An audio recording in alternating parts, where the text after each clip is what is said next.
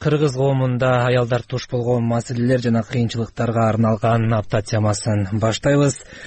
Кыргызстанда ажырашуулардын саны жыл санап өсүп жатат. Мамлекеттик каттоо кызматынын маалыматына ылайык ажырашкандардын басымдуу бөлүгүн жаш үй бүлөлөр түзөт. Психологдор көпчүлүк учурда ажырашуудан кийин жалгыз бой калган келиндер коомдогу стереотиптерден улам басынып чүнчүп кетерин белгилешет. Бул тууралуу таластан кабарчыбыз альбина сулайманова кененирээк айтып берет талас облусунун кара буура районунун жыйырма бир жаштагы тургуну аймира ажыкулова он алты жашында колледжде окуп жүрүп турмушка чыгып бир жыл жашабай ажырашкан. Мунун себебин жасаган тамагы сүйлөгөнү күлгөнү жада калса басканына чейин барган жерине жакпай калганы менен түшүндүрдү. Турмушка чыгуума эч ким себепчи болгон жок өзүм деп айтсам болот буга менин ата каршы болгон аябаганда эле бир туугандарым кыйынчылыктар болот кайнене үч кайнежем бар болчу анан жактыра беришкен жок бир гана мени эмес менин ата энемди бир туугандарымды да жагынан эле өзүмдүн изден колдуу көрсөтүшөт кийим кечегим болобу окууга барган жагым болобу баардык нерсени үйдөн каржыбашчы жаңы үй бүлөдөн жылуулук таба албаган келин тез эле үйүнө кайтып келген. Бирок ушул учурда ал үчүн эң оор сыноо болгонун мындай жашоону башка эч кимге каалабастыгын айтат. Үйгө келгенден кийин жарым жылдай стресс болдум десем болот аябаганда арыктадым дагы эч жака чыкпай мен чөчүктүм демесем чекемде маңдайыма жаш койгондо элдин баары мени жаман карай турганы жок элдин баары менен сүйлөйт эки тургандай болуп анан он жети жашымда балалуу болдум. Ошол учурда таластагы жаштар уюмуна жакын таанышы тажрыйба топтоого чакырып калып жаштар саясаты боюнча кыска мөөнөттүү окутуулардан өтө баштайт. Кийинчерээк адам укугу жаатында семинарларга катышып жүрүп жогорку окуу жайына тапшырууну чечкен. Аймира учурда төртүнчү курстун студенти жана облустагы бейөкмөт уюмдардын эң жаш тренерлеринин бири. Негизинен кыз келиндер менен иш алып барган каарманыбыз тренингтерде кыздарды тушаган коомдогу түрдүү стереотиптерди талкалагысы келет. Азыр болсо мен мисалы эгерде сурай турган болсо мен ачык эле айтам. Менин балам бар үч жашта ушуну деп демек бул менин үчүн мындай уялуу эмес кайрадан мындай сыймыктануу десем болот да мурункудай мисалы мен жашым өтүрбөйм мурункудай менде бир стереотиптик көз караштар жок мен кадимки эле кыздардан эч кандай айырмам да мисалы эгерде мен ойлой берем да ошондо азыр мен мисалы турмушка чыкпасам азыркы нерсеге жетпес болчумун байкоочулардын баамында аймира сыяктуу өзүн өзү жеңген кыз келиндер таласта көп эмес. Укук коргоо жаатында көп жылдан бери эмгектенген акыйкатчынын талас облусундагы мурдагы өкүлү арзыкан момунтаева ажырашкан аялдар көп учурда психологиялык жактан жабыркаарын белгилейт. Момунтаева жаштардын турмушунда оор так калтырган ажырашуунун себеби ар түрдүү экенин жана аны аныктап жөнгө салуу үчүн жаштар эле эмес. Алар жашаган үй бүлөнүн өзүнүн дагы түшүнүктөрү тар болуп жатканын мунун өзү азыркы коомдун оорусу экенин белгилейт. Ажырашууга кичинекей эле себептер болот. Менимче түштүктө түндүктө тиякта биякта кичине кичине разницалар бар да. Түштүктө көбүнчө жана мигранттардын көйгөйү көп болуш керек. Таласта көбүнчө социалдык абалына карашат. Биринчиден анан экинчиден талас регионундагы э, мындай бир менталитети кичине башкараак го дейм. Мындай сүйбөй ала качып алып кайнене кайнаталардын бири бирине мындай тең эместиги тиги кайсы калың берди эле же болбосо кайсы шеп берди эле деген дагы бир эчтекеге жарабаган бир түккө турбаган шылтоолорду дагы кээде ушулар себеп болуп калат да мен ушу турмушумда көп көрөм да. Мамлекеттик каттоо кызматынын маалыматына ылайык быйыл жарым жылда республика боюнча төрт миң тогуз жүз алтымыш жети жубай ажырашкан. Бул өткөн жылдын ушул убакыт аралыгын салыштырганда беш жүзгө көп. Адистер ажырашуулардын көбөйүшүнө өлкөдөгү социалдык экономикалык абал жумушсуздук миграция жана кыздардын эрте турмушка чыгуусу себеп экенин белгилеп келишет альбина сулайманова азаттык талас ал эми нарында болсо турмуштун татаал түйшүгүнө чыдабай үй бүлөсүн таштап кеткен эркектер акыркы убакта көбөйүп жатат дешет байкоочулар. Анткени жылдан жылга жалгыз бой эне деп жөлөк пул алгандар менен кайрымдуулук уюмдарынын эшигин каккан аялдардын саны арбып баратканын социалдык кызматкерлер дагы айтып келишет. Эле жеринде тегеректеген балдары менен калган жалгыз бой энелер кандай күн көрүп жатышат? Кабарчыбыз мирлан кадыровдун баянында нарын шаарынын тургуну наркиза эшимканованы күйөөсү төрт баласы менен таштап кеткенине эки жылга чамалап калды. Ал кезде алардын кичүү баласы бир жашка толо элек болчу.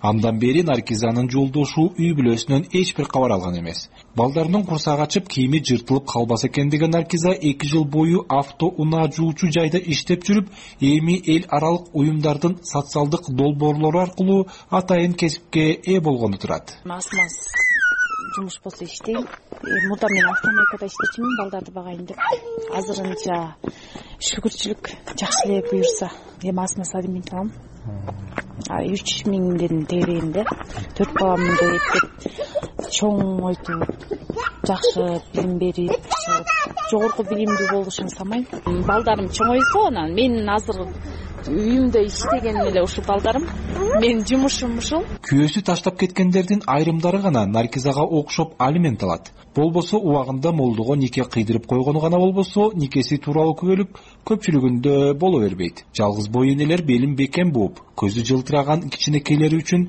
бар күчүн жумшап өлбөсүнүн күнүн көрүп жүрө беришет. Нарын шаарындагы биздин тилек кайрымдуулук фондуна ушундай жалгыз бой эне жардамга муктаж деген элүүдөй аял бар. Аталган фонддун жетекчиси талант ниязбеков буларга токтолду. Эми сүйлөшкөндөн кийин көбүсү эле баягы эме загсысы жок да. Загсы жок анан баягы загсы жок болгондон кийин алимент ала алышпайт.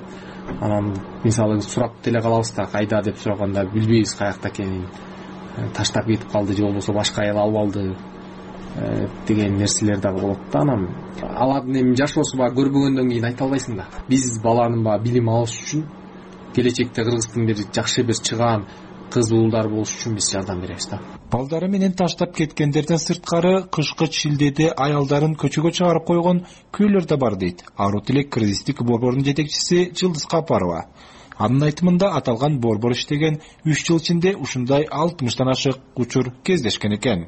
Төрт баласы менен көчөдө калган аялдар э, беш айлык ымыркай баласы менен кыштын кыран шилдесинде январь айында көчөдө калган аялдар деген ушундай фактылар э, болду. Э, ал аялдардын тагдырын угуп көрүп отуруп биз кандай өлкөдө жашайбыз? Эмне үчүн балдардын аялдардын укугу эмне үчүн корголбойт? Эмне үчүн ушинтип тебеленет деген ойго келебиз да аларга эң башкысы эң башкысы психологиялык жардамга өтө муктаж жана укуктук жардамга өтө муктаж. Ал аялдар кандай кадамдарга барыш керек? Кандай мыйзамдар бизде кыргызстанда иштейт деген боюнча таптакыр маалыматы жок болушат. Жана балдарына кандай мамлекет тарабынан кандай жардамдар көрсөтүлөт деген маалымат жок. Биз ошол укуктук жардам берип психологиялык жардамдарды берип келдик социалдык кызматкерлер үй бүлөнүн ажырашуусунун жана эркектер үй бүлөсүн таштап кетүүсүнүн себеби катары миграция эрте турмуш кургандык жана жетишпеген жашоону көрсөтүшөт. Облус боюнча он төрт миңден ашык үй бүлө аз камсыз бүлө катары мамлекеттен жөлөк боло алат мирлан кадыров азаттык нарын облусу эрте турмуш куруу демекчи жалал абад облусунда мектеп жашындагы кыздардын күйөөгө башын байлап жашы он сегизге толуп толбой турмушка узатуу фактылары аз эмес. Кыздардын билим алуу кесипке ээ болуу кыялдары менен эсептешкен ата энелер чанда гана кезегет жарандык активисттер коңгуроо кагып келатканы менен жергиликтүү бийликтерде анчейин көңүл бурулбай жаткан бул маселе тууралуу зейнеп мартбек кызы айтып берет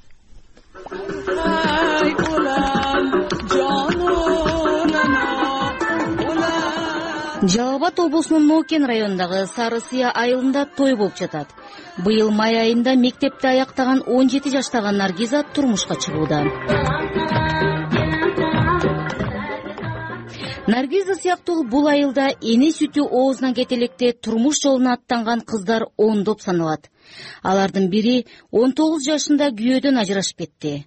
Өзүнүн суранычы боюнча атын айтпай шарттуу түрдө дилдора дейбиз. Токузунчу сыныф окуйт экен да энгекметте сочки экен биринчисиге беришмеген тогузунчу класста окуп жаткан кезимде эки жерден жуучу келди. Биринчи жуучуларга ата энем макул болгон жок. Экинчисине дароо макулдук беришип тогузунчу классты аяктаган жылы турмушка узап кеттим менин пикиримди эч ким сураган деле жок. Сурашкан жок менден жашоосун сүйлөп отуруп көзүнө жаш тегеренген дилдора дарыгер болом деген кыялы ишке ашпай калганын айтты. Мен эгерде президент болуп калсам эгер мен президент болуп калсам эркектер отуз жаштан кыздар жыйырма беш жаштан турмуш курушсун деп буйрук чыгармакмын ошондо кыздар да билим алып кесипке ээ болуп калышмак да окушка тапшырарды. Жергиликтүүлөр арасында кыздын эрте турмуш куруусун бакыттын белгиси катары баалагандар көп кызына эрте жуучу келгени үчүн сыймыктангандар да бар. Киров айылынын кырк жаштагы тургуну махфуза шералиева. Кыз баланын базарыам бир кызыйды эки кызыйды кыздын базары да бир же эки жолу кызыйт ошондуктан эрте эле турмушка берип жибериш керек. Балалуу болуп тез эле уул кызы колунан ишин алат. Кыз баланы эрте бериш керек. Өкмөттүн жалал абад облусундагы ыйгарым укуктуу өкүлүнүн социалдык тармакты тейлеген орун басары ырысбек ызабеков аймакта такыр мындай көйгөй жоктугун айтты кетти деген маселе жок кудайга кааласа мынакей биздин эмебиз боюнчачы так биз негизги өзүбүздүн милдетти аткарып түшүнүштөн жүргүзүп атабыз. Баягы э, ата энеден дагы үй бүлөдөн дагы ошол биз жеткизген маселени түшүндүрүп атабыз анан э, жок бизде андай маалымат болуп кой деген жок. Кыргызстандын үй бүлө кодексине ылайык. Он сегиз жаштан кийин турмуш курганга уруксат берилет. Бирок мажбурлоо кылмыш. Конституциянын кырк бешинчи беренесине ылайык. Ар ким билим алууга акылуу эрте никеге байланыштуу мыйзам бузуулар тууралуу канча арыз түшкөнү кандай текшерүүлөр жүргүзүлгөнү тууралуу облустук күч органдарынан так маалыматтарды ала алган жокпуз нокен райондук билим берүү башкармалыгынын жетекчисинин орун басары эрмек адылбеков кыздарды мектеп жашынан эле башын байлаган окуялар эки үч жыл мурдага салыштырмалуу азайганын мектеп мугалимдери колдон келген аракетин көрүп жатканын ага карабай айрым ата энелер өз билгенин жасап келатканын билдирди. Кыз меники сен өзүң ишиң болбосун дегендей мамиле жасап коет да ошол кызын берип койгон ата энеге бир чара колдонсо биздин могу орган тарабынан деле колдоо көрсөтүп кайрадан баягы мугалимдерге өзбек коомчулугунда кыздардын эрте турмуш куруусу жалал абад облусунан тышкары ош аймагында да көйгөй катары көтөрүлүп келүүдө. Араван районундагы прогресс араван бейөкмөт уюму декабрдан тарта кыздарды жаш турмушка узатууга каршы атайын долбоор баштаганы турат. Бириккен улуттар уюмунун эки миң он алтынчы жылдагы изилдөөсүнө ылайык кыргызстан эрте никеге турган кыздардын саны боюнча евразия чөлкөмүндө бешинчи орунда турат зейнеп мартбек кызы бишкек. Кыргызстандагы аялдардын кыз келиндердин кыйынчылыктары жана маселесине арналган апта темасын бир саамдан кийин улантмакчыбыз сиз азаттык радиосун угуп жатасыз. Студияда кубат касымбеков эми ушул сааттарга топтолгон соңку кабарларды эсиңиздерге салып өтөлү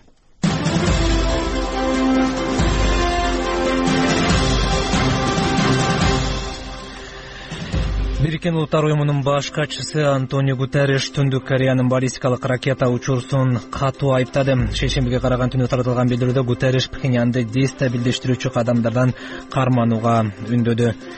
Сирия президенти башар асадтын өкүлдөрү оппозиция менен тынчтык сүйлөшүүлөрүнө катышуу үчүн женевага бүгүн барышат. Буга чейин дамаск режимдин каршылаштары асадтын кетишин дагы деле талап кылууда деп делегациясын сүйлөшүүлөргө жөнөтүүнү токтото турууну чечкен жогорку сот кыйноо боюнча айыпталган үч милиция кызматкеринин жазасын күчүндө калтырды. Бул тууралуу азаттык радиосуна мекеменин маалымат кызматы кабарлады. Ал тапта түркия прокуратурасы жинаятчы фетхула гулендин тарапкери деп шектелген үч жүз алтымыш кишини камакка алуу буйругун берди. Бул тууралуу бүгүн анадолу агенттиги кабарлады. Кыргызстандык окуучулар менталдык арифметика боюнча дүйнөлүк интеллектуалдык олимпиадага катышып байгелүү орундарды ээлешкен экен. Бул тууралуу толугураак жаңылыкты биздин сайтыбыздан окусаңыздар болот. Дарегибиз азаттык чекит орг эми биз апта темасын улантабыз. Анда биз кыргызстандагы аялдар кыз келиндер туш болгон маселелер тууралуу сөз козгоп жатабыз. Белгилүү динаятчы чубак ажы жалилов э, жесир келинди токолдукка алганын ачык жарыялагандан кийин көп аялдуулук кыргыз коому талкуулаган башкы темалардын бирин айланып жаткан чак коомдо жалиловдун кадамын жактагандар да андан аны сындагандар дагы бар. Укук коргоочулар чубак жалилов мыйзамды тебелеп экинчи аял алганы жана өзү алып эле тим болбой башкаларга чакырык таштаганы үчүн жазаланышы керектигин айтып жатышат бирок мамлекет жетекчилери мындай чакырыктарга азырынча үн ката элек эл арасында жубайы өз башын аттаганы себептүү аң сезими жабыркап психологиялык жардамга муктаж болгон кыз келиндер арбын деп кабарлайт э, кесиптешим нуржан токтоназарова. Экинчи үчүнчү аял болуп тийгендердин дээрлик баары аты жөнүн ачык айтууну каалашпайт азаттык суроо салган мындай кыз келиндердин айрымдары тагдыры жөнүндө айтып берүүгө макул болгону менен ысымдарын өзгөртүп коюуну өтүнүп же өздөрү аты жөнүн ачык айтышкан жок. Өзүн надира деп тааныштырган келин жыйырма жети жашта экен. Жети жыл мурда өзүнөн бир топ жаш улуу эркек менен таанышып калып анын ажырашканына жана үйлөнөм деген сөзүнө ишенип алданып калганын айтып отурду кооп этпей эле коеюн да мени анын акчасы да кызыктырды биринчиден өзү дагы ал учурда аябай суктанган киши эле. Ошентип мамиле куруп кеттик. Анан аялы менен ажырашпаган төрт баласы бар экенин билдим кийин. Калп айтпайын үй бүлөсүн таштап мага келсин деп көп аракет кылдым. Мурда ысык болуп жүргөн мамилебиз балалуу болгондон кийин көп урушчу болдук. Учурда надира эки кыздын энеси. Өзү самагандай эле жолдошу биринчи аялынын каршылыгына карабай надирага да келип балдарын каралашып өмүрүнүн көбүн экинчи үй бүлөсү менен өткөрүп калган бирок надира үй бүлөнү бузганына өзүнөн улуу кишиге турмушка чыкканына өкүнүп жүргөнүн жашырбады ортодогу он төрт жаш айырма азыр экөөнүн ортосунда көп түшүнбөстүк жаратып жатыптыр. Тил тең тууштарым менен эч ыстырбайт телефону менен бирөө менен да сүйлөшө албайм. Бирөө менен сүйлөшүп аткан болсом барып аңдып турган болот. Же өзү эч жака ээрчитип барбайт. Коноктой топурга жалаң биринчи аялы менен барат. Чынында өзү эле теңиме тийбептин деп көп өкүнчү болдум убакытты артка кайтара турган болгондо баарын башкача кылмакмын надирага окшоп экинчи үчүнчү аял болгондордун арасында шариятка ылайык нике кыйдырып жашагандыктан балдарына күбөлүк ала албай жүргөндөр да жок эмес. Мындай кыз келиндердин арасында күйөөсү эки аялга тең карай албайт деп нааразы болгондор да бар. Ысымын айгүл деп атаган отуз жаштагы келин беш маал намаз окуган жарандын экинчи аялы экен. Пайгамбарыбыз айтканда калыс боло алсаңар алгыла депчи. Пайгамбарыбыз өзү пайгамбар болуп өзү корккон мен ошо аялдарымды калыс карай алдымбы деп. Айгүлдүн айтымында коомдо экинчи аялды соопчулук же шарыяттын талабын аткаруу үчүн эмес ышкы напсиден улам алып жаткандар басымдуу. Ал эми кырк жаштагы аймира жашы отуздан өтүп калганда үй бүлөлүү төрт баласы бар өзүнөн кичүү кишиге баш байлап үч баланын энеси болду балдарынын баардыгына шүгүр деген аймира күйөөсү менен күндөшүнөн көп кордук көргөнүн айтты. Ал келгенде бүт баарын даярдап көңүлүн алып турам. Сөзүн угуп мени какус кукус кылган учурлар деле болот. Көрүшсөк жашташып жумалашып мушташканга чейин барабыз. Көп аялдуулук маселесинен экинчи үчүнчү аялдар гана жабыркайт деп айтууга болбойт. Күйөөсүнүн башын аттаганы баарынан биринчи аялга оор тиерин психологдор иликтеп чыккан. Мындай тагдырга тушкан кыз келиндер кыргызстандагы кризистик борборлорго кайрылышат. Оштогу ак чүрөк кризистик борборунун жетекчиси укук коргоочу дарика асылбекова динди билген такыба аялдар деле күйөөсүнүн үстүнө токол алышын каалабай турганын бул түшүнүк үй бүлө коомдун болочогу балдар үчүн кооптуу экенин эскертти миллион акылдуу биздин таасирдүү жигиттерибиз болгондо дагы миллион кыйын болгондо дагы миллион аалым болгон күндө дагы эки адамды башкарыш деген бул өтө кыйын да. Башкарып унчукпай отурушу мүмкүн бирок ичинен курт кайнайт да. Аларды басыш курт кайнап сыртка чыккандан кийин бул үй бүлөнүн кайра эле бузулушуна алып келет деген укук коргоочу аялдардын убуттун маселесин айрым аалымдар айтмакчы. Күбө аял алуу менен эмес башка жол. Кыз келиндердин социалдык абалдарын жеңилдетүү менен чечүүнү сунуштоодо кыргызстанда бир убакта эки же андан көп аял менен түтүн булатууга мыйзамда тыюу салынган. Мындай эркек эки жылга чейинки мөөнөттө эркинен ажыратылууга тийиш нуржан токтоназарова азаттык. Кыргызстанда аялдар э, зомбулукка дагы кабылганы жашыруун эмес өлкөдө соңку алты жыл ичинде ар кандай зомбулукка туш болгон токсон сегиз аял каза болгон экен. Алар күйөөсүнүн гана эмес үй бүлөсүнүн жакындарынын да зомбулугунан жабыркап коомчулуктун көңүл сыртында калгандар.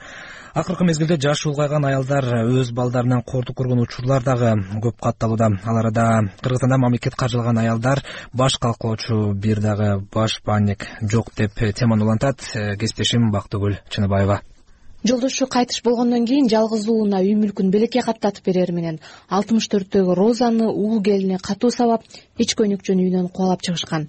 Андан бери үч жыл өтсө да кордук көргөн эне соттордон акыйкаттык таба албай бара. В чем вот избили в летнем жеңил жайкы кийимчен эле сабап кубалап чыгышты. Азыркыга чейин кийимдеримди ала элекмин. Үч жылдан ашуун убакыттан бери ар кайсы жерде баш калкалап жүрөм. Уул келиним сабаганда мээм катуу чайкалган экен. Азыр ошонун залакасы тийип оорукчан болуп калдым. Эптеп адвокат жалдап чөгүп кетпейин деп аларды сотко бердим. Териштирүүлөр дале уланууда. Бир жарым айдан бери кичүү кызымдын үйүндө жашап жатам. Күйөөсү бир жакка кеткен эле. Эми күйөө балам келсе алардыкына да батпайм го. Каяка бараарымды билбейм. Психологиялык жардам эч кимден алган жокмун. Өз көйгөйүм менен өзүм эле алып урушуп келем албетте психологиялык жактан аябай жардам керек экен. нуждалась но сама выживала. Розанын таламын талашкан адвокат айжан жуманалиевага кайрылып иштин чоо жайын сурадык. Үч жылдан бери уланган соттук териштирүүлөрдөн кийин энеси сабаган баласы эч кандай кылмыш жообуна тартылган эмес. Ал тургай энесине сот залынан учурашпай карабай да койгонун айтат адвокат. Кучактап эмес экөөбү сүйлөшпөйт да апасы дайыма эле айтат сотко барганда балам жакшы эмне болуп калды билбейм анан кийин карап эме кылып атат аябай сагынат бирок баласы бир да жолу учурашкан эмес жанында да отурбайт анан кийин могу ноябрь үчүнчү ноябрда соттун чечими чыкты да баласын күнөөлүү деп сот чечим чыгарды бирок үч жыл мөөнөт өтүп кетти да. Кылмыш иштер боюнча бир эле жылдын ичинде чечилиш керек да. Бул иш бизге биздики үч жылга созулуп кетпеди анткени э, бул үч жылдын ичинде төрт экспертиза өттү да. Азыркы тапта розанын үйүн баласынан кайра кайтарып алуу боюнча соттук иштер уланууда. Дагы канча жылга созулаары жыйынтык чыккыча жабыркаган аял кайда жашаары белгисиз. Ага укуктук жардам көрсөткөн айкын багыт коомдук фондунун жетекчиси мунара бекназарова балдарынан кордук көргөн аялдардын саны барган сайын көбөйүп бара жатканына кабатыр такие обращения к нам часто. Бизде ушундай көйгөйлөр менен кайрылгандар барган сайын арбып бара жатат. Мындай аялдарга биринчи кезекте психологиялык жардам керек. Анан баш калкалай турган жайга муктаж. Ошондой эле мамлекет укуктук жактан көмөк көрсөтсө абдан жакшы болмок. Роза апа үч жылдын ичинде жаны тынбай сотторго кайрылып расмий арыз жазып өз укугун коргогонго аракет жасаптыр. Азыр анын жемиши уулун сот жазалабаса да күнөөлүү деп тапты бирок эми ошол төрт жылга чукул убакытта бул аял бир жерде жашашы керек да. Мамлекет мындай зомбулук курмандыктары үчүн кризистик борборлорду курса жакшы болмок. Экинчиден алар өз кыйынчылыгынан психологиялык жактан жабыркабасын деп биздин уюм роза апаны жумуш менен камсыз кылды. Ал өзү жакшы массаж жасайт экен. Кимдир бирөөгө керекмин деген сезимден улам чөгүп кетпей кармалып турат. Плакать а приносить еще пользу людям да кыргызстанда соңку алты жыл ичинде үй бүлөлүк кордуктан каза болгон аялдардын саны токсон сегиз. Бирок бейөкмөт уюмдар зомбулук курмандыктары мындан алда канча көп деген пикирде. Кары картаңдарга жардам көрсөткөн адра бейөкмөт уюмунун координатору айпери жанузакова көп учурда уул келин же кыз күйөөсүнөн кордук тарткан энелер элге ачык чыга албай зомбулуктун бети ачылбай калып жатат деген пикирде. Көп учурда зордук зомбулукка кабылган болсо алар деген жашырышат. Уялышабы эле өз балдарынан жамандык нерсени көрүп жатканына уялышат окшойт. Ошон үчүн көп учурда алар жашырышат. Мындай фактыларды ал арада өлкөдө зомбулуктан азап тарткан аялдар үчүн мамлекеттик кризистик борборлор жок. Кордук тарткандарга көмөк көрсөтүү жана анын алдын алуу боюнча мамлекеттик органдар арасында кызматташтык абдан алсыз экенин социалдык эксперт диана макенбаева белгилейт. Эң негизги көйгөй мамлекеттик органдардын бири бири менен катышкан иштери татаалдаштырып жатат да. Анткени эгерде мен э, аял катары зордук зомбулукка кабыл болсом мен кимге э, биринчи кайрыла алам. Анан ал кайрылганда ал ишти ким алып барат? Ага ким жоопкерчиликтүү деген суроолорго биз ошону жооп бере албай жатабыз да ушу бизге аябай татаал болуп атат бирок э, биздин оюбуз боюнча мамлекет атайын ушул кризистик центрлерди ачып көзөмөлгө алыш керек эле да. Анткени эгерде бизде кризистик центрлер бар болсо ошого жапа чеккен адамдар келип анан ошол жактан саламаттыкты сактоо министрлигине бөлүнөт ички иштер министрлигине бөлүнүп иштер жүрүп кетиши мүмкүн деген сөздөр болуп атат да. Бириккен улуттар уюмунун жыйынында кыргызстанда он беш жаштан кырк тогуз жашка чейинки аялдардын жыйырма үч пайызы өмүрүндө жок дегенде бир жолу урт эптийге алынары айтылды. Кордук көргөн аялдар кайсы органга кантип кайрылышы тууралуу өлкөдө атайын багыт берүүчү маалыматтар берилбей келет. Бактыгүл чыныбаева азаттык бишкек азаттык радиосунун апта темасында бул жолу биз э, кыргыз коомчулугундагы аялдар кыз келиндер туш болгон маселе көйгөйлөр жана кыйынчылыктар тууралуу сөз кылдык. Алдыда айтылган көйгөйлөр маселелер чечилет деген илгери үмүт менен программабызды жыйынтыктайбыз аны кубат касымбеков алып барды. Саламатта туруңуздар